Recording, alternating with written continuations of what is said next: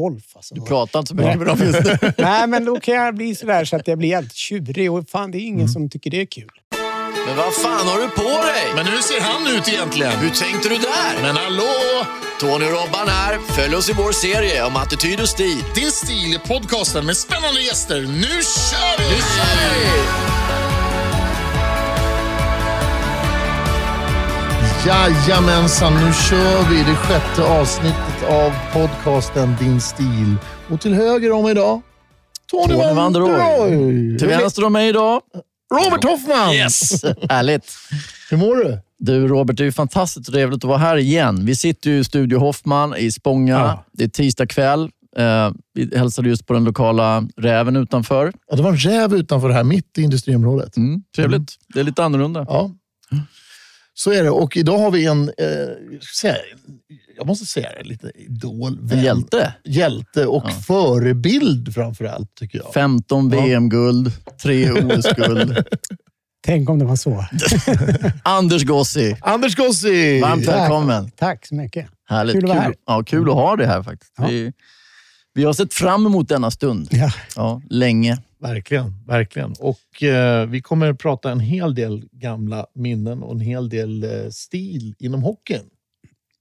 Det finns, jag har redan några grejer jag kan tänka mig att ta upp Ja, den här. en hel del. kommer bli intressant. Och vi har veckans bubbel. Veckans bubbel kommer här!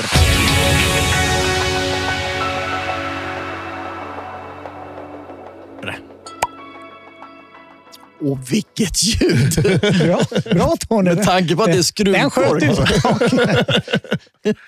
Underbart. Och det är alkoholfritt va? Ja, idag Mm. kör vi alkoholfritt, dagen till ära. Och eh, Nu måste jag nästan sätta på mig glasögonen här bara för att jag ska kunna se. Det här är ju då en Naturio. Mm. Och Vad är det? Jo, det är 0,0 muskat från Spanien. Eh, den här har vi inte testat än, så Mm. Nej. vi vet faktiskt inte hur den smakar. Men vi hörde ju att korken, äh, skruvkorken gick upp här alldeles nyss. Så att, det är ju fantastiskt trevligt att testa den här. Vad bra att du gjorde den där Anders, för vi brukar ha en liten sound effect på den här Ja, korken. oj. nämligen. Så att det kommer men den. det kom ingen brus liksom. Nej. Men det häller vi upp och det ska bli jättegott. Läskande. Ja, vi brukar ju varva lite olika bubbel här just för att få lite olika effekt. Du och jag känner den här Robban, men våra gäster gör det inte. Nej, så är det. Jaha. We try it.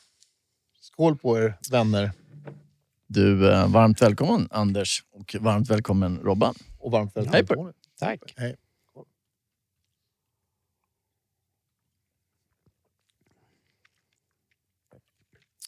Mm. Det var inte så mycket bubblor. Det var mer ett, ett torrt vitt vin. Man kan säga att det var ett torrt vitt vin. Men gott. Det är lite eh, päron, fläder och lime i alla fall, enligt utsagor. Det kan man tycka att det, man känner igen alltihop. Ja. Eh, 0% alkohol, men 45 gram socker. Det här är någonting vi har koll på. Ja, det var lite 45. sött. Gram Det är rätt mycket. per liter. Mm. Ja, men det ju vara gott.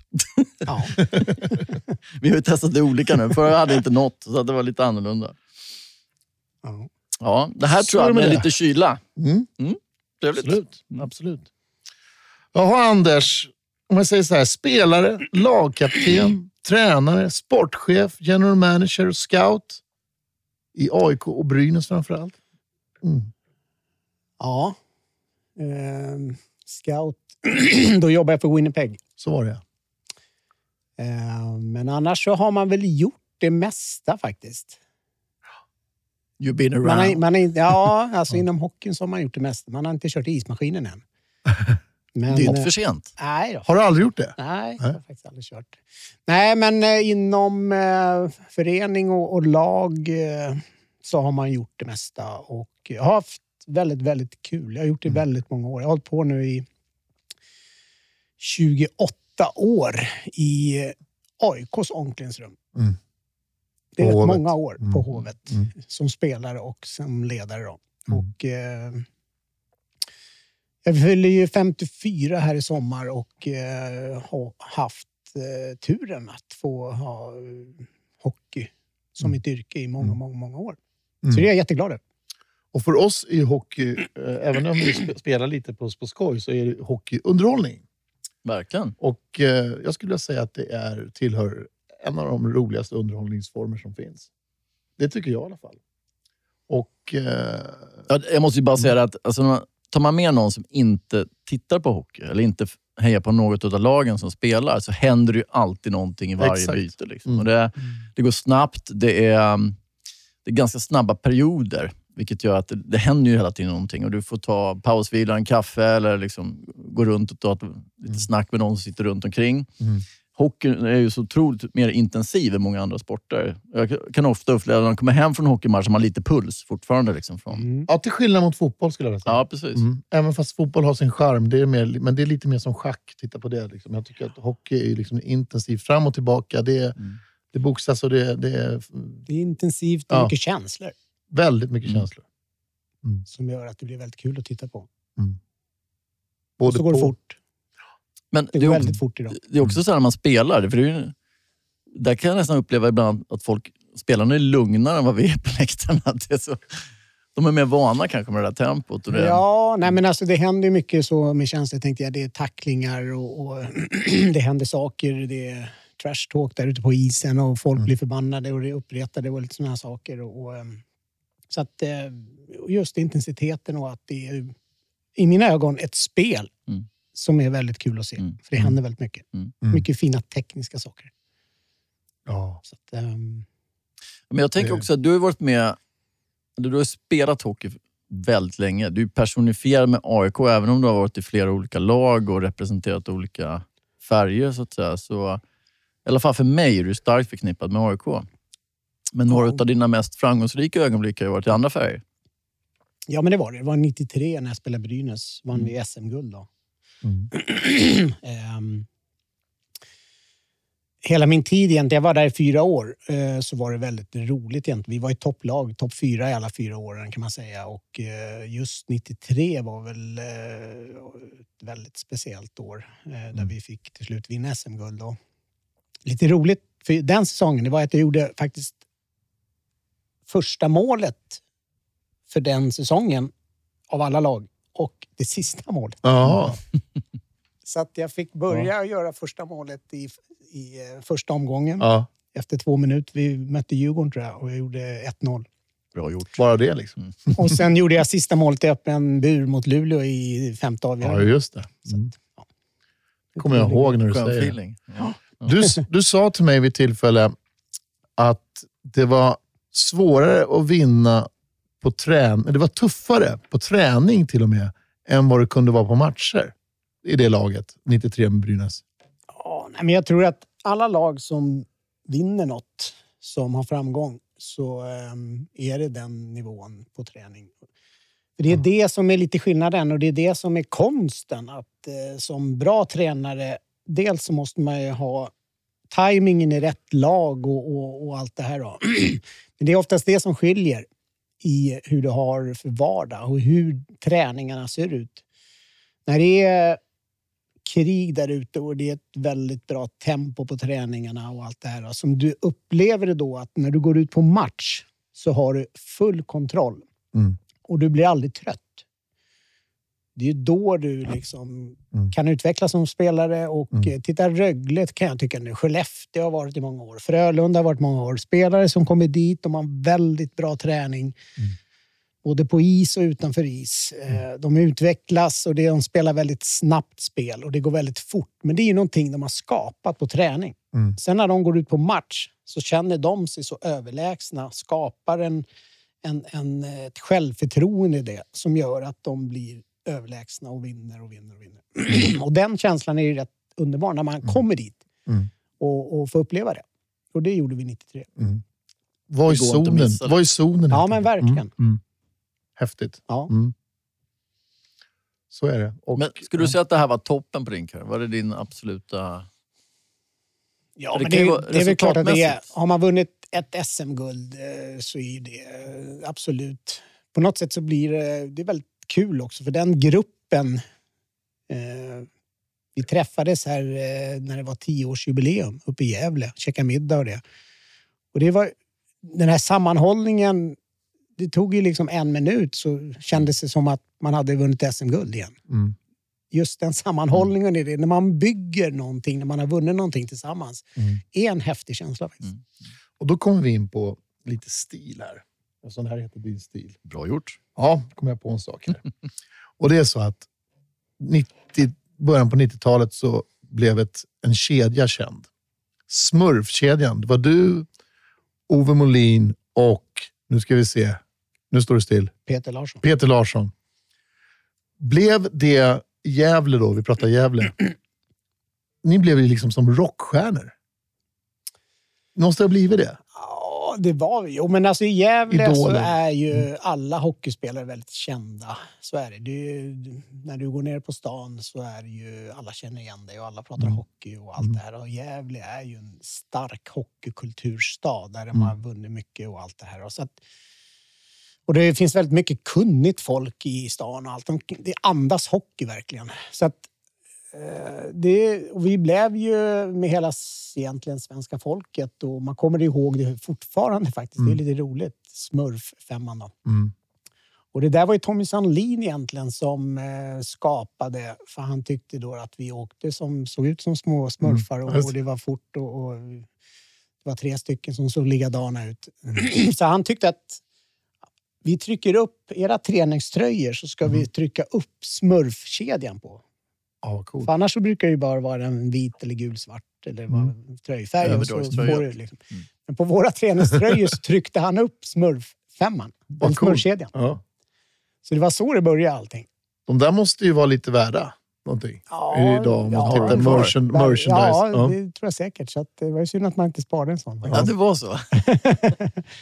Men- så att det var så det började. Men när du kommer upp till Gävle idag liksom, och tittar på Brynäs ibland, Mm. sådär, det måste ju kännas ändå eh, lite häftigt.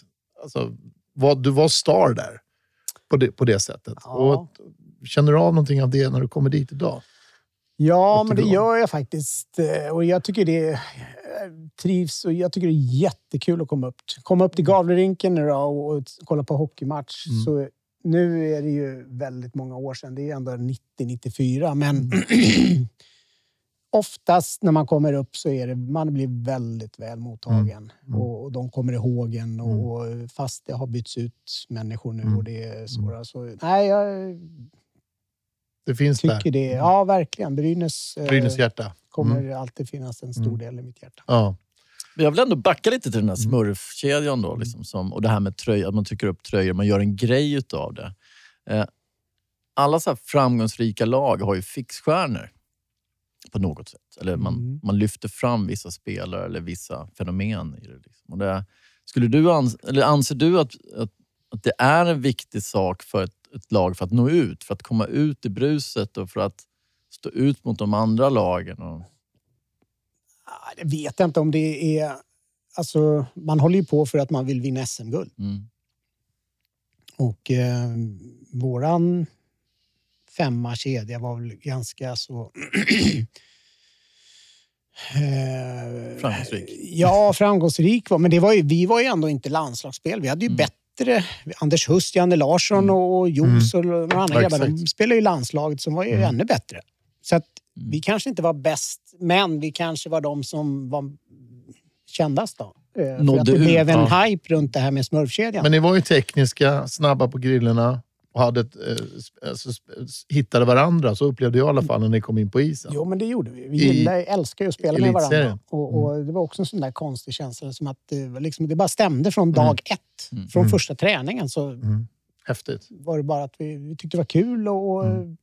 vi hittade varandra och, och allt det här. Så men just det här med fixstjärnor, stjärnor, liksom, jag vet inte. Det, är, det får inte heller bli för stora stjärnor som gör att, alltså på något sätt att eh, maskineriet saktar ner för att fixstjärnorna tar för stor plats i ett lag. Det är ju inte heller bra. Så det Nej. där är en balansgång i eh, om Mm. man ska ha stora stjärnor som bara för att man ska sticka ut. Jag är hellre med i ett lag som Mm. vinner något. Och det där har ju du varit ute och föreläst om och, och pratat ganska mycket om. Hur man just bygger ett lag. Ingredienserna. Ja, jo, Mm. men det gjorde jag för några år sedan Mm, faktiskt. mm. Mm. Yes. Men jag Och- tänker ändå så här, jag tänker ändå ur lagets aspekt. där, Va? Om du har, fixstjärnor blir ju en, en media-hype. Det skapar ju den här eh, fanbasen och supporterna kommer. Man köper merchandise med, dem, med den här gruppen, den här Ja. personen. Ja. Alltså det är ju, Man ser ju när eh, Barcelona köper Ja. Messi och de tjänar Ja. in övergångssumman liksom bara på tröjor första Ja. veckan. Liksom. Det är ju det är en, det är en viktig bit kan jag tänka mig för många lag att ha fixstjärnor. Mm. Mediala människor som står ut. Jo, men det är klart att eh, duktiga spelare vill man ju alltid ha. Mm. Nu är ju inte SHL eller allsvenskan... eh, Det är, inte- vi är ju inte världens bästa ligor och Nej. vi har ju inte världens bästa spelare. Så att är det en som är otrolig talang, även om du, Mm. du har inte hunnit bli någon stjärna, så, så försvinner ju de nu då till kanske KL och NHL. Mm. Och det är där de har dem. Och det är klart att det är viktigt att profilera sig med, med men det måste ju ändå vara i grund och botten en duktig hockeyspelare. Mm. Sen blir de stjärnor, absolut. Det är ju viktigt, det håller jag med om. Men det, Mm. Ja, det där är ju en balansgång. I, i, eh, det är klart att Peter Forsberg vill man ju alla ha i Mm. sitt lag. Och han var ju stjärna, men han var ju också en jäkla bra lagspelare. Otroligt. Så att, eh, det måste ju finnas det också. Ja, och, men jag måste säga det, det där föder en liten idé kring hela det här atmosfären kring SHL då, som vi har i Sverige och, och även Hockeyallsvenskan. Att kanske man skulle kunna lyfta fram vissa individer som har det här lite säregna eh, sälja tröjor eller någonting sånt. Det kanske skulle funka. Jag vet inte, men det en liten sån där. Ja, alltså jag tror att vi gör det. Vi försöker nog göra det så mycket Ja. vi orkar och kan i Sverige.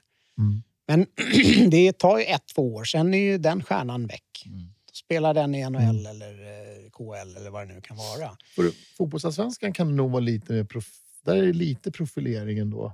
Alltså, med, med spelare inom AIK i alla fall. Ja, men jag kan tycka att det är lite mindre omsättning mm. på Ja, det det. allsvenskan i Mm. fotboll, högsta Mm. serien, om du Mm. kontra SHL. Ja, det kanske är. Hockeyn är lite mer omsättning på i Mm. spelare.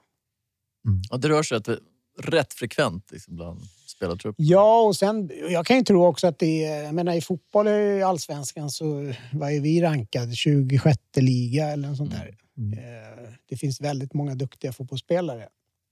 Sverige, SHL, så är vi ju topp tre Topp i tre. världen. Ja, exakt. Så det är därför det rekryteras väldigt mycket spelare från, från SHL också. Mm, det blir en mm. omsättning. Du berättade en skön story här för, för mig och Robban för några år sedan på Hockeyforum kring eh, en viss spelare som kom, eh, George Larac. Mm. När han klev in i omklädningsrummet i, i slutspelet. I motståndarnas omklädningsrum. Ja, just det. Ja. Där fick vi in i, eller där fick vi, vi är lite aik så vi är lite färgade, förlåt till Ja. lyssnare. Men, Det men det, det, Ja, men där fick AIK en fix, där fick AIK en, en liten ja, det var en rockstjärna. profil. profil, ja. Precis. Otrolig profil. Mm. Ehm, Från NHL. Ja, han var ju en NHL-spelare då, då, men det var ju egentligen hockeymässigt så var han ju sådär. Det var ju inget märkvärdigt. Men medial så var han ju... Men underbar människa Mm. och eh, en profil. Alltså. Mm. Och, eh, nej, men det var ju väldigt kul faktiskt. Det var ju när vi skulle spela en eh, avgörande match. Skulle vi vinna den så skulle vi då, då gå upp till Hockeyallsvenskan. Mm. Och eh, jag tror att vi mötte Borås hemma Mm. på Hovet och George Larac som var nästan ja, var två meter lång eller över och vägde en 117 kilo. Rastafleter och ja, väldigt grov liksom. Mm. Och en slagskämpe. Mm. En av de mest fruktade i NHL då. Tuff jävel helt. Jättetuff. Ja. Där han då, då går in och ställer sig mitt i omklädningsrummet på Hovet. I motståndarnas omklädningsrum. Klockan sex.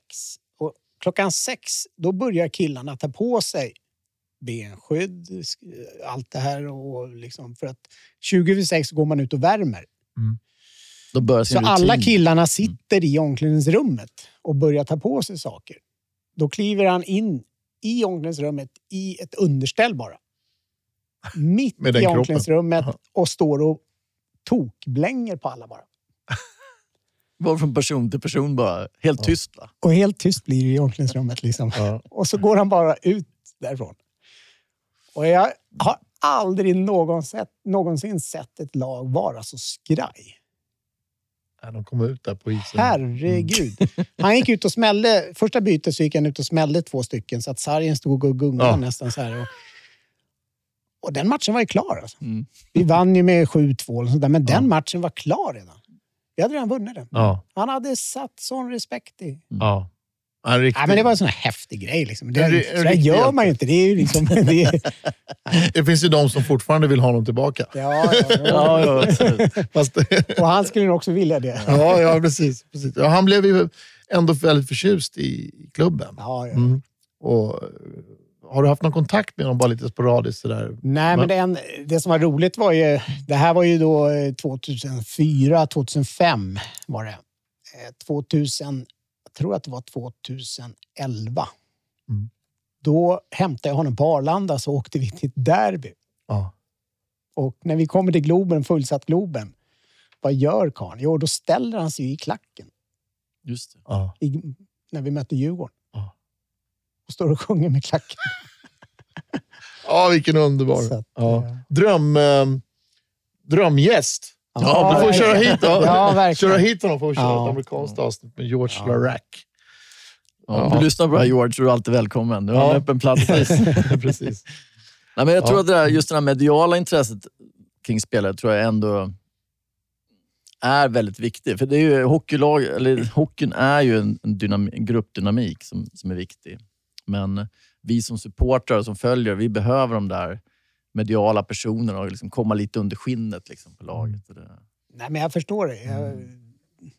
det, är ju, det är klart att man vill ha stjärnor och, och eh, profiler och allt det här. Och det är, som supporter förstår jag det. Mm.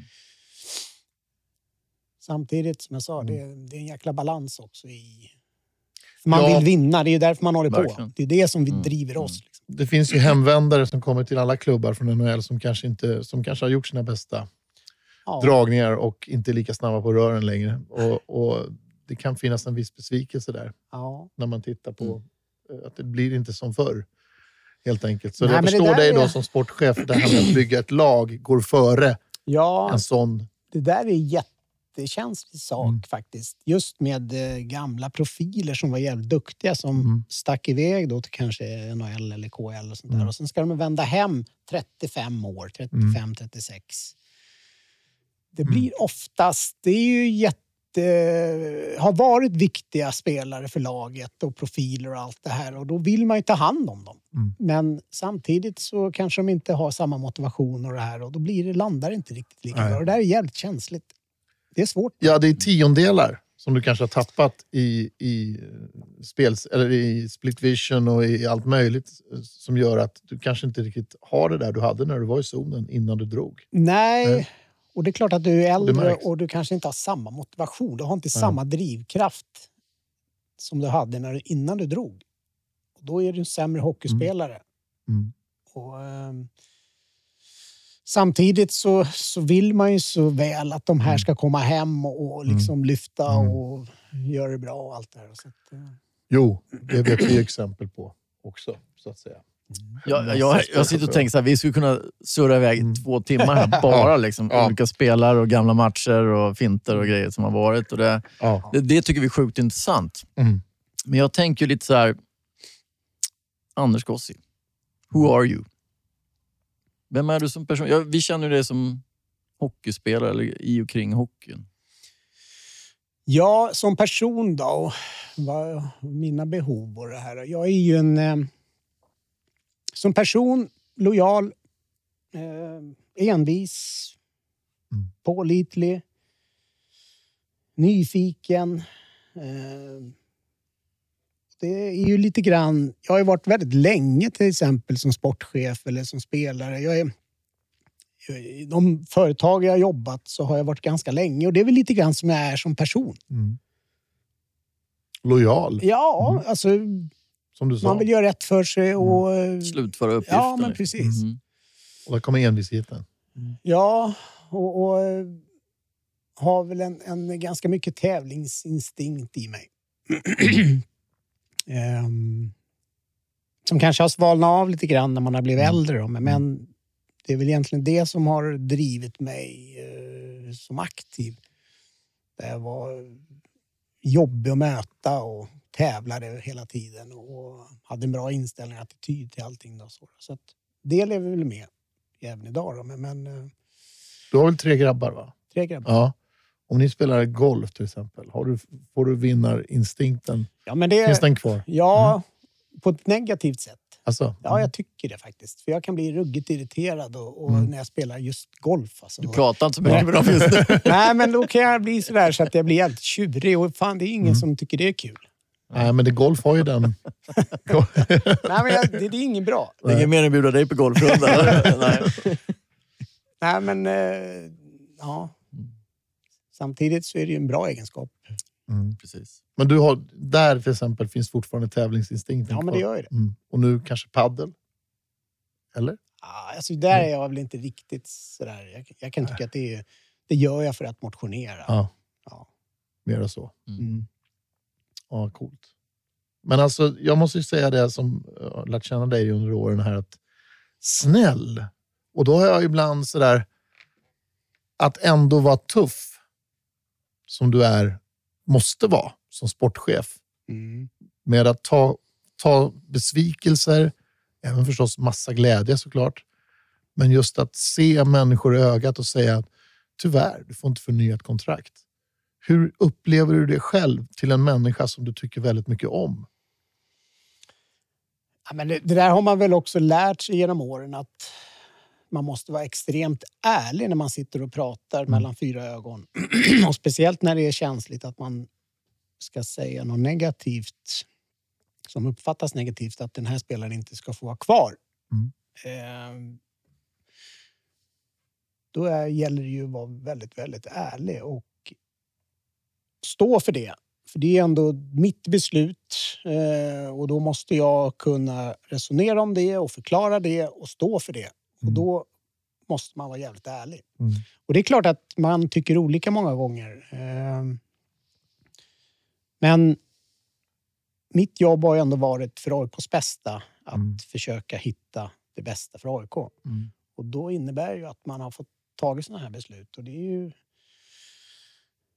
jobbigt ibland, eh, speciellt när man kanske... Jag kommer ihåg väldigt David Engblom.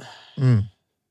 Det var ju jag som sa till honom att din resa tar slut här i AIK nu. Mm. Och det är jobbigt att sitta och Mm. säga det till David Engblom som ändå varit med i väldigt många år och Mm. gjort väldigt mycket för AIK det här. Mm. Då. Eh, dock så tyckte jag då att David var så jäkla bra som person så jag ville ha kvar honom Mm. i laget. Mm. Och erbjöd ju honom då, då en tjänst som materialare då, för att eh, hitta en, en väldigt bra materialare på sikt. Mm. Och det blev han ju också. Mm. Och tog ju det. Och sen växte han i det och blev tränare Mm. och allt sånt där. Och så att jag hoppas att han inte är, är Mm. arg på mig fortfarande utan Nej. att han... Han tog ju sig an det. Ja, men han Mm. gjorde ju det. Mm. Och var jättebra i de rollerna. Lojal människa. att, ja, men fruktansvärt bra. Ja. Men hur har du hanterat pressen då? Alltså det som kommer utifrån. AIK är ändå AIK. En, stor, störst, en av de största föreningarna i Sverige, Norden. Hur hanterar du det? Ja, men, ehm, det är att jag eh, har egentligen eh, inte haft så mycket kontakt. Det här med, med eh, Facebook, Twitter, Instagram. Nej. Alla de här delarna har jag lagt åt sidan. Och egentligen, jag tror ju så här, du överlever inte som sportchef fem år om du ska fundera på vad alla tycker. Nej. För att alla tycker olika. Alla ser från sitt perspektiv och, och har inte Mm. insikten och kunskapen och allt sånt här, vad som ligger bakom och allt sånt här. Och ska man då bry sig och vad alla tycker och, läsa allt Mm. och det här, det, det funkar inte. Det, du berörs och du går under som människa. Du bedöms. Så att Mm. många har ju säkert tyckt att jag har varit ganska, eh, vad ska man säga, Han är uppe och hytter med nävarna ja, Jag förstår vad du menar. Att du, att du inte flyr, men att du, du drar dig undan och struntar fullständigt i vad, vad, vad, vad som sägs på, senare. Liksom. Du, Ja. du säger ditt och sen så... Nej, men eh, att man kanske har varit lite sådär känslokall och jag har inte liksom skrikit och tjojat och var liksom jätteglad och många som har liksom, när man har vunnit, liksom, åh men fan vad, sjung då, vi har ju vunnit. Ja, men liksom, Mm. ja, och sen nästa dag som vi har torskat då, då ska man liksom grina då. då liksom. Mm. Det gäller att hitta en balans där tror jag också för att Verkligen. överleva och liksom orka med den här pressen. För det är en jävla press. Det är hela tiden väldigt avgörande. Vinna eller förlora, stolpe in eller stolpe ut. Och så blir du bedömd på om vi vann idag eller allt det här. Så att, det där har man ju fått leva med, men samtidigt så har jag lagt mycket av det där åt sidan. Och vad alla tänker och skriver och allt sånt här, det har jag skitit i. Det här är väldigt intressant, tänker jag, i i överhuvudtaget till den massa vi vänder oss till, Tony. Alltså att även i den lilla världen. Hur är en dag på jobbet? Du bedöms hela tiden. Din stil som människa, din, din eh, yttre stil bedöms, din inre stil bedöms. Jag vet ju i artistvärlden som jag eh, fightas fortfarande i. Du bedöms, men det gäller ju att hitta en, ett sätt att hantera det här. Och jag tycker att det är väldigt intressant det du säger, att egentligen bara dra sig undan. Även i, då kanske man inte får uppleva den här euforiska glädjen heller alla gånger, men det, du håller dig flytande. Ja, alltså, det handlar ju kanske inte det handlar om att vinna. Återigen, eh, det är därför man håller på. Och, och ehm, skapa någonting som gör att det vinner. Skapa en miljö och sådana här saker. Framförallt så tror jag det handlar om att göra sin grej, det man tror på. Mm. Och, och skala av bruset. Liksom. Mm.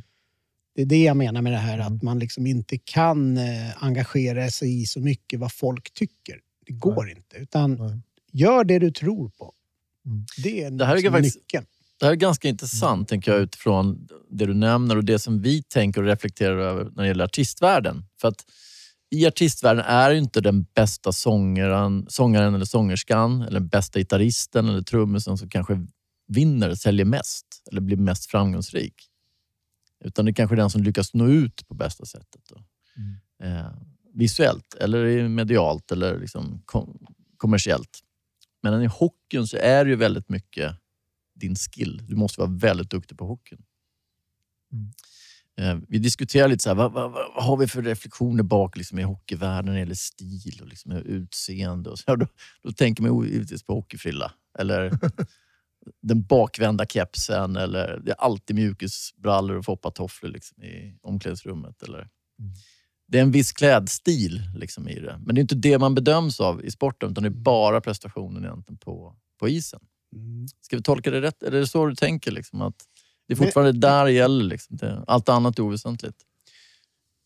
Alltså, om du säger stil till mig så tänker inte jag på hockeyfrilla. Jag, nej, men gör jag inte.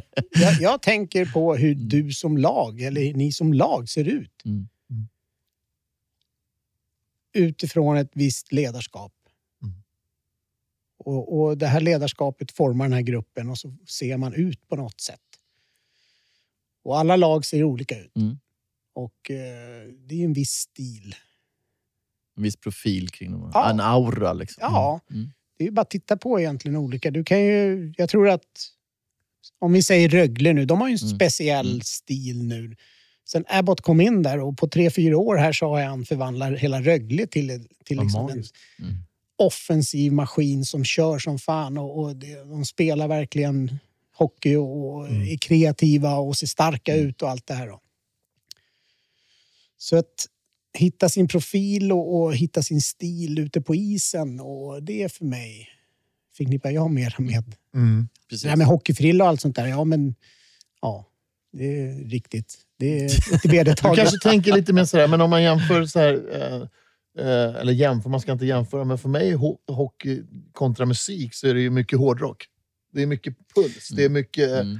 Eh, Jo, men så är Jävla. Ja, ju ja. action liksom. ja, men fotboll har du med dig kanske snarare liksom eh, hiphop. Mm. Just det. Ja. Och lite sådär, Ja. lite häftigt. Men det, det hör ihop på något vis. Den här Det är lite energin. mer rocken. Ja, Det är det ju. Mm. Full fart. energi. Liksom. Ja. Ja. Enorm energi. Och det är mycket Och när ADHD man gör- där ute. När man gör trailer inför matcher och så, här, så är det mycket snabba klipp och rockmusik. Så absolut, det Ja. är klart att det, det blir en förknippning av det. Men, Ja. jag menar mer den här också att eh, ur ett artisteri så kan du bygga rätt mycket på image. Liksom. runt Absolut. omkring. Oh, ja. Men, men det går inte i hockeyn. Där är det liksom... Det är Nej. game time. Det är där det handlar om. Nej, men om vi skulle vara världens bästa liga så skulle vi ju ha starkare profiler här. Så är det ju. Mm. Mm. Mm. Verkligen. Verkligen. Men det är vi ju inte då, utan de är ju någon annanstans. Mm. Och det är klart att NHL kan bygga sina profiler mycket mer. Men när jag var liten skulle jag nog vilja erkänna att då fanns det inte så mycket annat att göra. Hade du hockeyfrilla då? Nej. Nej, men vi var ju, det var ju i, i skolan så var det ju AIK eller Djurgården, då, eller Hammarby, Mm. i Stockholm. Då.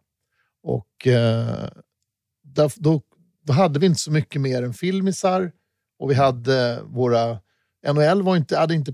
Det, Nej. det, kom Det inte fanns samma, ju inte nej. liksom riktigt. Vi hade Nej. profilerna. Vi hade Anders eh, Broström i, i eller Boström kanske han hette, i Frölunda. Mm. Det fanns ju Börje Salming, det fanns ju...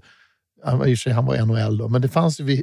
Det var enormt många idoler man hade Ja. på 70 80-talet Mm. som numera kanske ungarna ser i NHL. Ja, Så det. skulle jag nog vilja formulera mig, helt enkelt. Vi har ju liksom tre, över 300 spelare ute i NHL och KL. Mm. Det är enormt. Det är rätt mycket. mycket. Det är ju en hel serie. 300? Alltså, det är ju en Ja. SHL-serie med. Mm.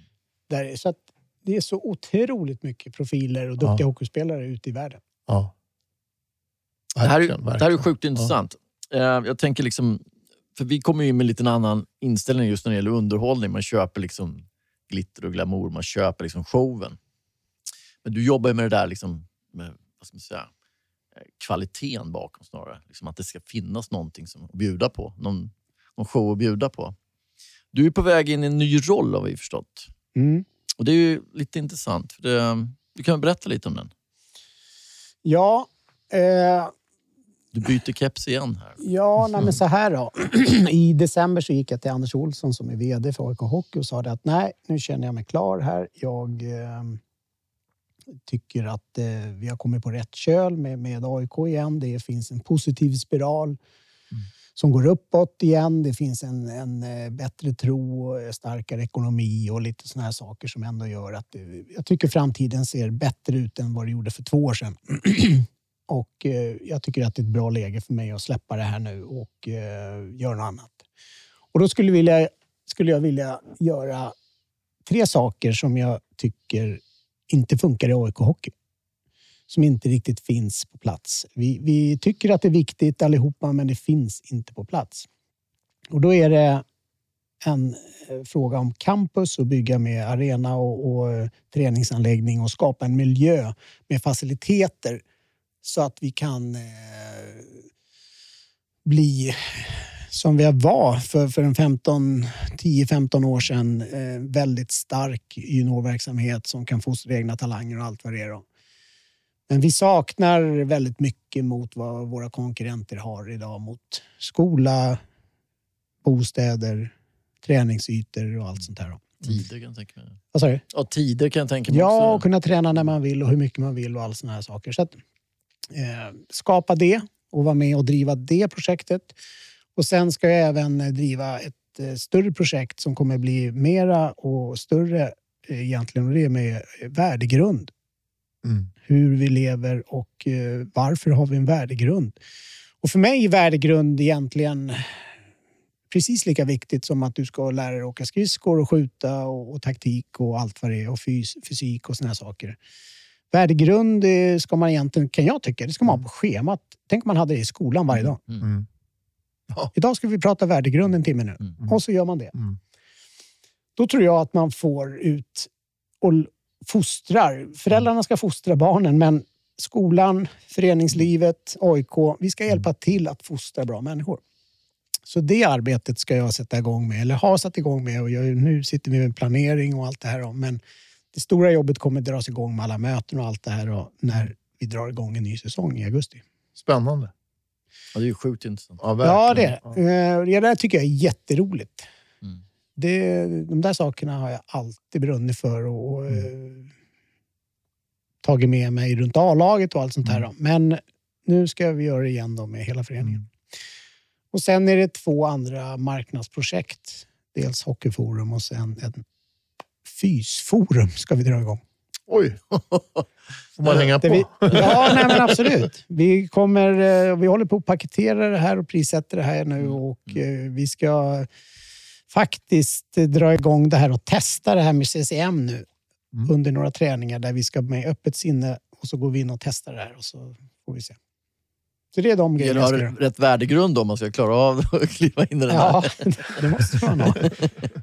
Men det, Jag tycker du ska ta in den här i, i det, vi som gillar att spela hockey med dig. Den här värdegrunden måste vi också ha. ja, men det får vi Ja. på Hockeyforum där får vi arbeta igenom det också. Så det går Så vi känner oss gamla. trygga. Ja, exakt. Precis.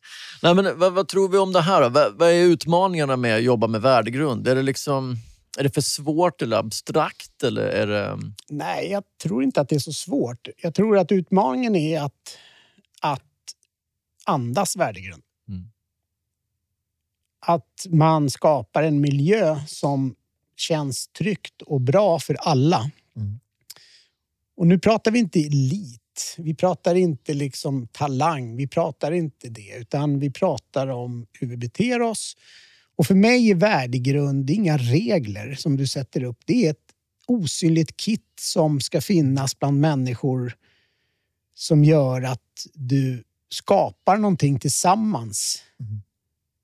För att du kan känna dig trygg och du vet hur vi ska bete oss och det finns osynliga regler kan man säga. Det är en värdegrund. Mm. Men värdegrund, Anders, det här kanske man kan eh, anamma i skolor? Verkligen. Ehm, och det finns idag i skolor. Ehm, en skola eh, som ehm, Andreas Karlsson med några till har Producenten? producenten ja, har kört igång. Ehm, nere i Tingsryd, Varberg och eh, på något annat ställe också. Jag kommer inte ihåg var riktigt. Men det finns lite olika skolor som jobbar med värdegrund varje dag på schemat. Mm.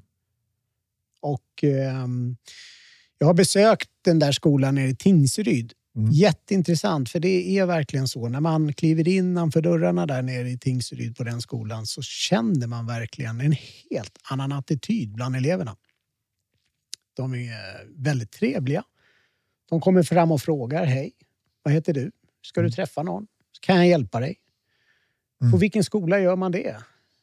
Om du kliver in vilken skola som helst i Stockholm så, så får du inte det bemötande. Och det är ju, tror jag, en anledning till det är ju att de jobbar och berör och andas Mm. de här sakerna varje dag. Mm. Blir typ Mm. ambassadörer liksom för... Ja, men det blir bra människor till slut tror jag. Ja. Mm. Om man eh, får en medvetenhet runt det här. Och tänker efter kanske några gånger och en uppfostran.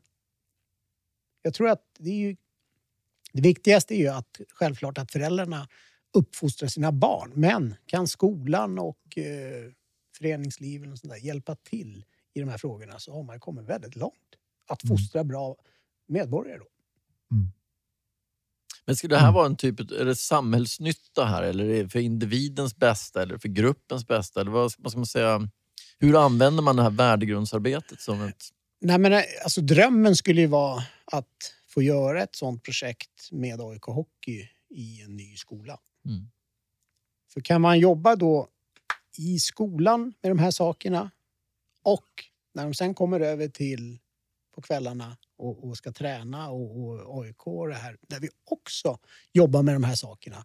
Det är klart att det blir bra Mm. människor av alla. Och då, självklart är det individen som ska utvecklas, men det blir ett bra sammanhang. Det är bra, blir en bra miljö. Mm.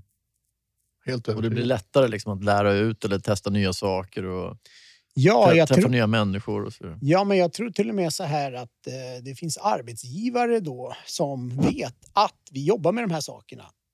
Och de som kommer då från AIK, om man har jobbat med det här i tre år, i skolan och sen på hockeyn, så är jag helt övertygad om att arbetsgivare kan rekrytera de här för att de vet att med största sannolikhet är det här rätt bra människor. Bra grundkompetens. Ja. Mm. Så att det är en dröm, tycker jag. Mm. Att kunna få eh, någon gång få ner det där. Vad är det du behöver Mm. för det här då? Är det, är det, behöver du med dig staten eller är det Då näringslivet? måste man ha med sig en kommun som vill det här. Mm. Eh, Man måste ha med sig eh, samarbetspartner. Man måste ha någon byggare, ett företag som vill bygga upp de här faciliteterna. Om de inte finns på en yta. Eh, Så att om man tittar på AIKs perspektiv, om vi ska kunna konkurrera mot alla de bästa utbildningsplatserna idag i SHL så måste vi, tycker jag, ha en skola. Kan man då göra en skola med de här sakerna så är det ju jätte, jättebra. Sen måste man ha bostäder. Mm. De här 16-åringarna, talangerna, flyttar ut från Stockholm idag väldigt mycket. Hur behåller vi dem i Stockholm? Mm. AIK Djurgården? Jo, det är genom att ha ett bra gymnasium, bostad. De Väldigt flyttar bra. hemifrån. Mm. Och då ha det då i Stockholm någonstans Mm. eh, gör ju att man då kan behålla talangerna. Och kan vi då ha rätt miljö, bra värdegrund, jobba med det, bra Mm. träning, bra fysisk träning, Mm. då får vi bra hockeyspelare. Och så kommer vi spruta upp med unga talanger upp till A-laget som på sikt kommer bli bra. Men det här gäller ju hela, om vi går in på ishockey igen, det gäller, gäller, gäller hela Stockholmshockeyn. Alltså att, att få att Stockholmshockeyn idag jämfört med, med till exempel ja, Gävle eller eh, nu Ängelholm då, nere i Rögle, Mm. måste bara andas hockey ordentligt här. Eh, att det vore ju fantastiskt bra för Stockholm Ja. som sådant som, har, som ligger lite och eftersläpar. Liksom, tyvärr. Absolut. Ja. Men det Mm. har ju varit en, en sån fråga som vi har brottats med i väldigt många år. Att få ner det här. Att få ner den här miljön som, som man vill ha då med skola, boende, Mm. idrottsanläggningarna, Mm. hockey och fysträning och allt det. Ha Mm. det på en, ett, ett ställe. Liksom. Spännande. Det här med, Det- mm, ja. förlåt, det här med värdegrunden det är ganska intressant. Då. Vad, vad är det för typ av värdegrund man lär ut? Då? Eller hur arbetar man fram den processen? Så att säga? Alltså processen, eh, handlingsplanen som vi har satt nu då, kommer ju bli att eh, vi kommer öppna upp med ett stort möte, infomöte i eh, slutet av augusti till alla, föräldrar, alla berörda egentligen.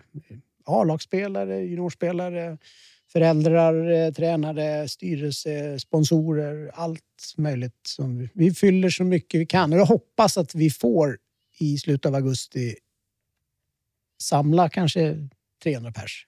Jag vet inte. Vi Mm. får se på med pandemin och allt det där. Mm.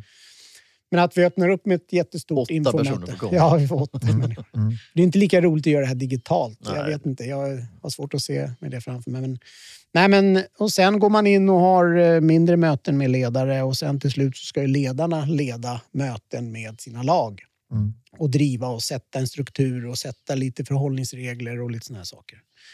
Och prata om värdegrund och vad de betyder och hur, vad menas med det egentligen om man omsätter det i vår miljö ute på isen, i omklädningsrum och allt sånt där. Mm.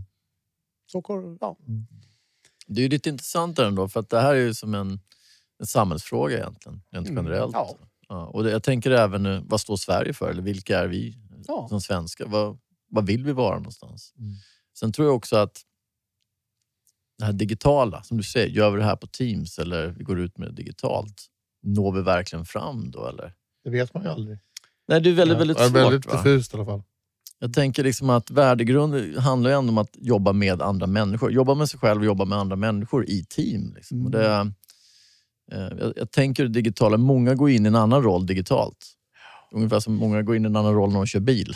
De byter. Ja. Nej, jag tror det blir jättesvårt om Mm. man ska göra det digitalt med alla möten och såna saker. Utan jag tror att man måste ha... Det kommer ju öppnas upp. Ja, jag hoppas det. Ja. Och på, alla, på alla fronter. Så slutet av augusti så får vi träffas. Ja, igen. jag tror faktiskt det också. Då borde ju alla vara vaccinerade. Mm. Vi bestämmer tycker- det Mm. helt enkelt. Ja. Visst är det klart. Ja. Ja. Ja, men det här är ju sjukt spännande. ju. Och där, vad- vilken åldersgrupp då? Det är det gymnasiet man tänker här? Är det... Nej, det här är alltså från hockeyskola uppåt. Mm. Hela föreningen. Ja, okej. ja, du måste ha ett, ett program för de mindre. Utvecklas hela Absolut. tiden. Ja. Mm. Och Så det har vi också i mm. den här handlingsplanen nu då, där vi har olika ämnen som vi tar upp Ja. beroende på åldrar och lite såna här Mm. saker. Gud, vad Häftigt. Ja. Det här är någonting man eh, Rektor Gossi. alltså. kan Är det den eh, nya, anamma i... är det den nya rollen eller? Ja, Lektor Lektor, precis. ja. Professor Gossi. Ja. Ja. Eh, Om man tänker så här inom företagsvärlden också Tony. Mm. Så är det ju väldigt många eller, företag som skulle behöva hitta en, just en värdegrund. Ja, herregud. Det- Ja. Jag tror att det, det finns många företag som inte, Som inte har det. det. Nej, och precis. inte riktigt vet vad man står för. Eller vad det är för någonting. Nej. Mm. Så är det. Mm. Hur, hur tror du annars man kopplar idrotten till företagande och så där runt omkring? Men lagidrott är ju en...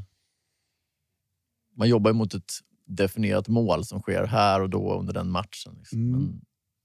Men, tror du företag, kan, kan man använda idrotten som en preferens för att driva företag? Ja, det tror jag. Jag tror ju att eh, oavsett företag eller om det är idrottare eller vad det nu gör så tror jag att eh, det måste finnas vissa saker för att lyckas. Eh, att jobba och ha en bra värdegrund tror jag är en del. Att eh, sätta upp tydliga mål med sin verksamhet tror jag också är väldigt viktigt och eh, som finns väldigt mycket och tydligt inom elitidrotten. Mm. Jag själv, jag, tycker, jag kan tycka att det är jobbigt att vara i en miljö där det är jävligt otydligt vart vi ska.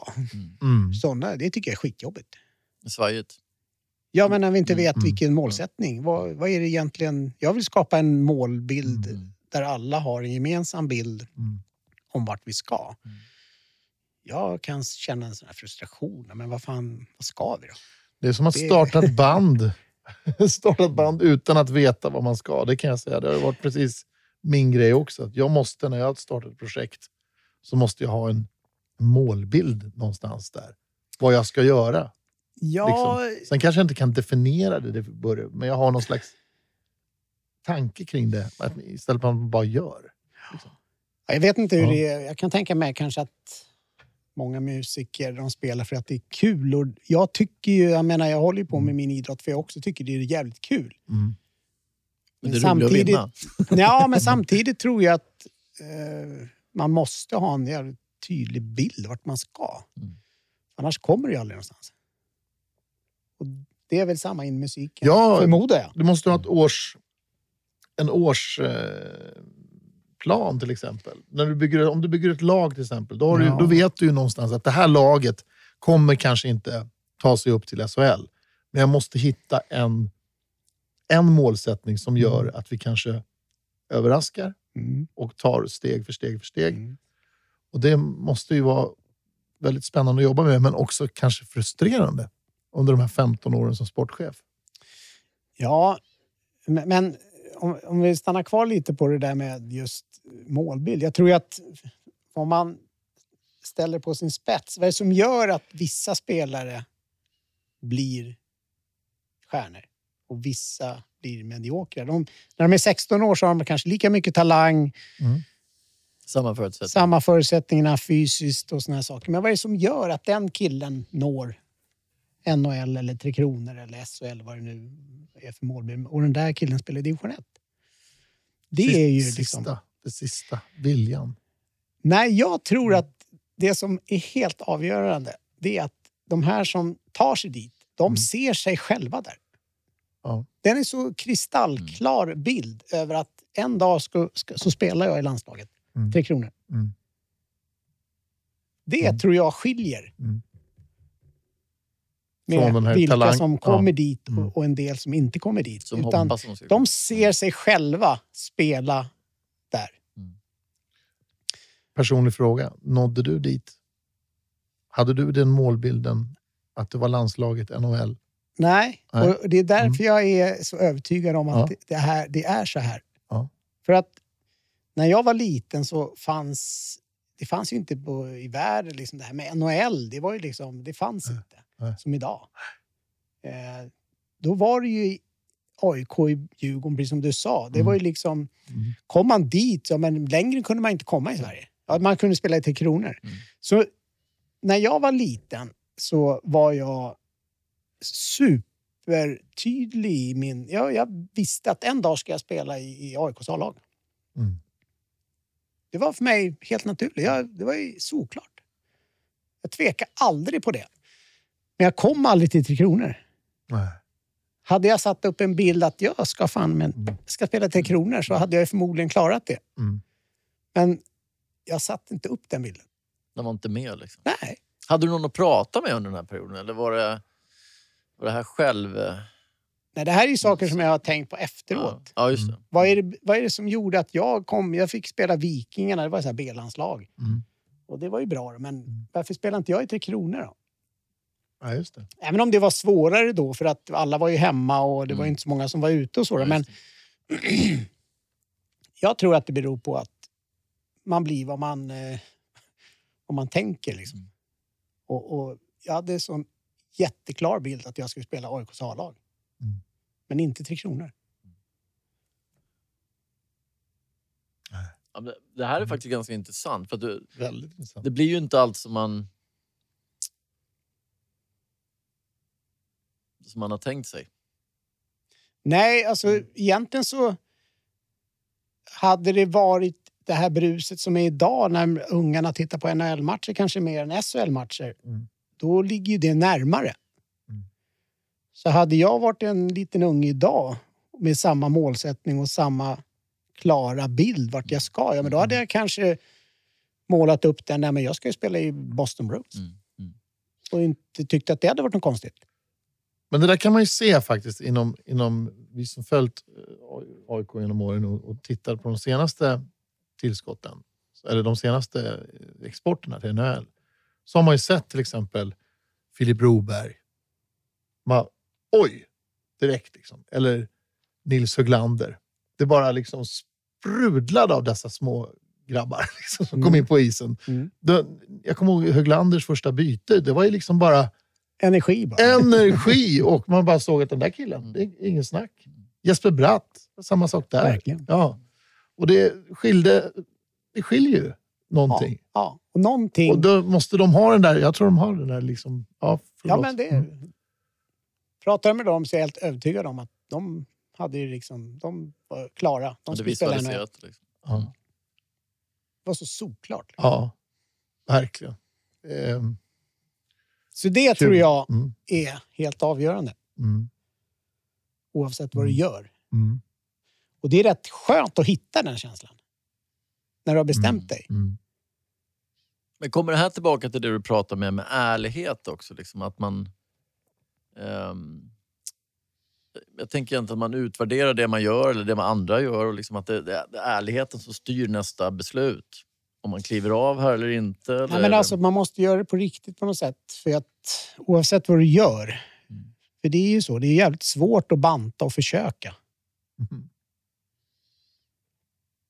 Det gör ont om man får offra något, men man måste faktiskt bestämma sig. Mm. Visualisera den där. Ja. Mm.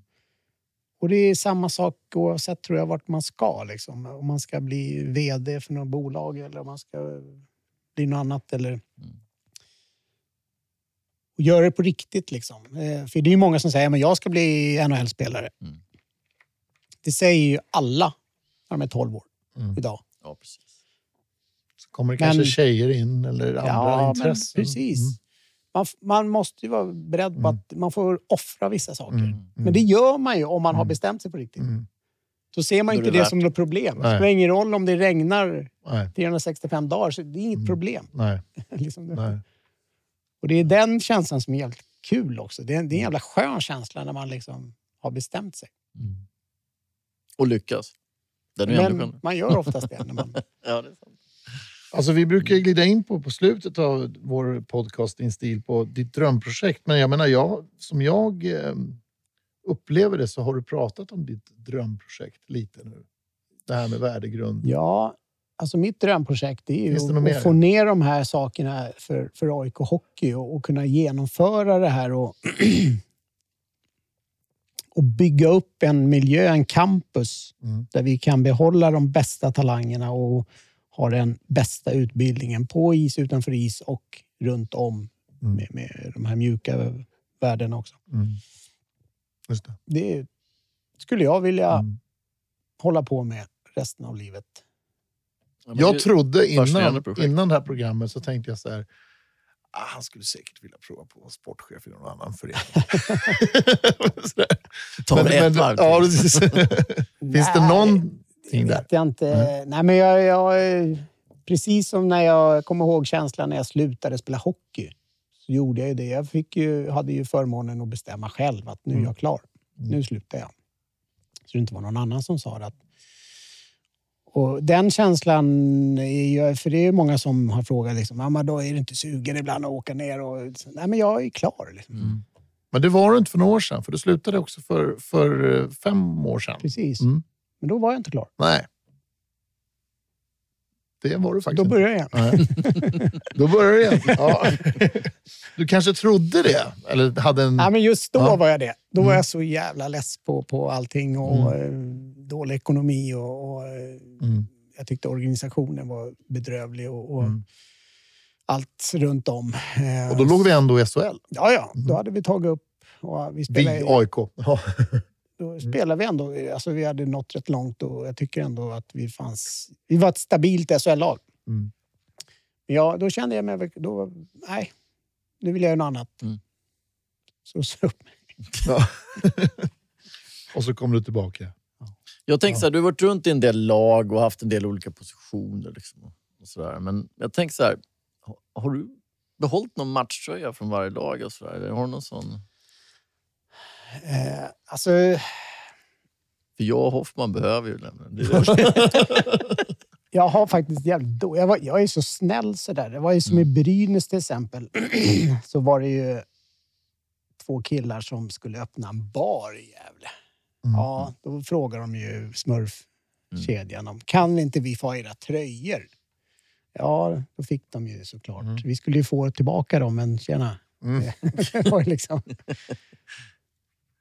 Men jag har eh, lite sådär, men inte originaltröjor Nej, nej. mycket faktiskt. Eh, Jag har AIKs när jag lirade sista där och så. Men eh, ja, tyvärr. Ja, Düsseldorf har jag när jag lirade där.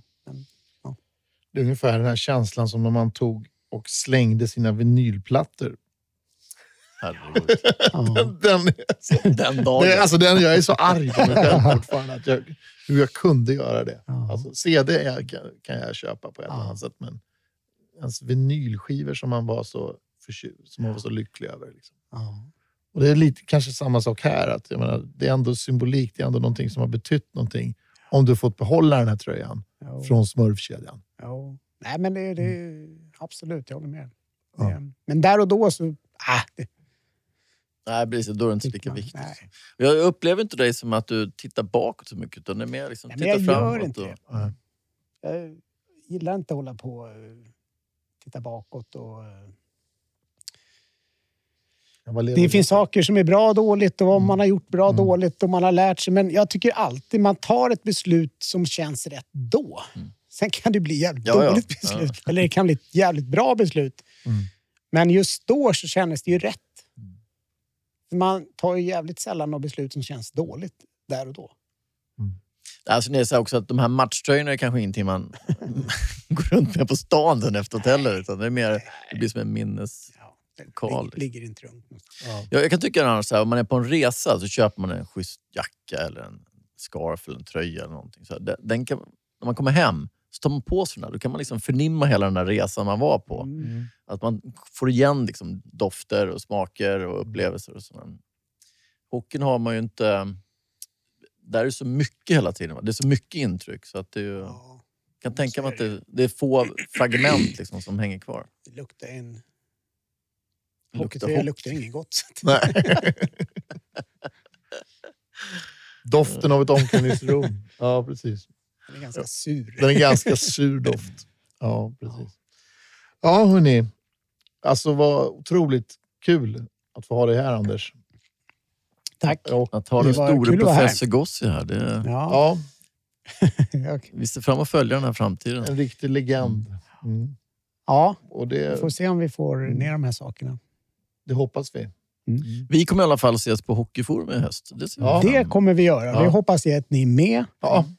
Det är bra. Då har ni sagt det här Ja. i podden. Vi kan klippa det här. Så att, Och till er andra lyssnare, eh, till alla lyssnare så kan jag säga så här att hockey är fantastiskt kul att göra.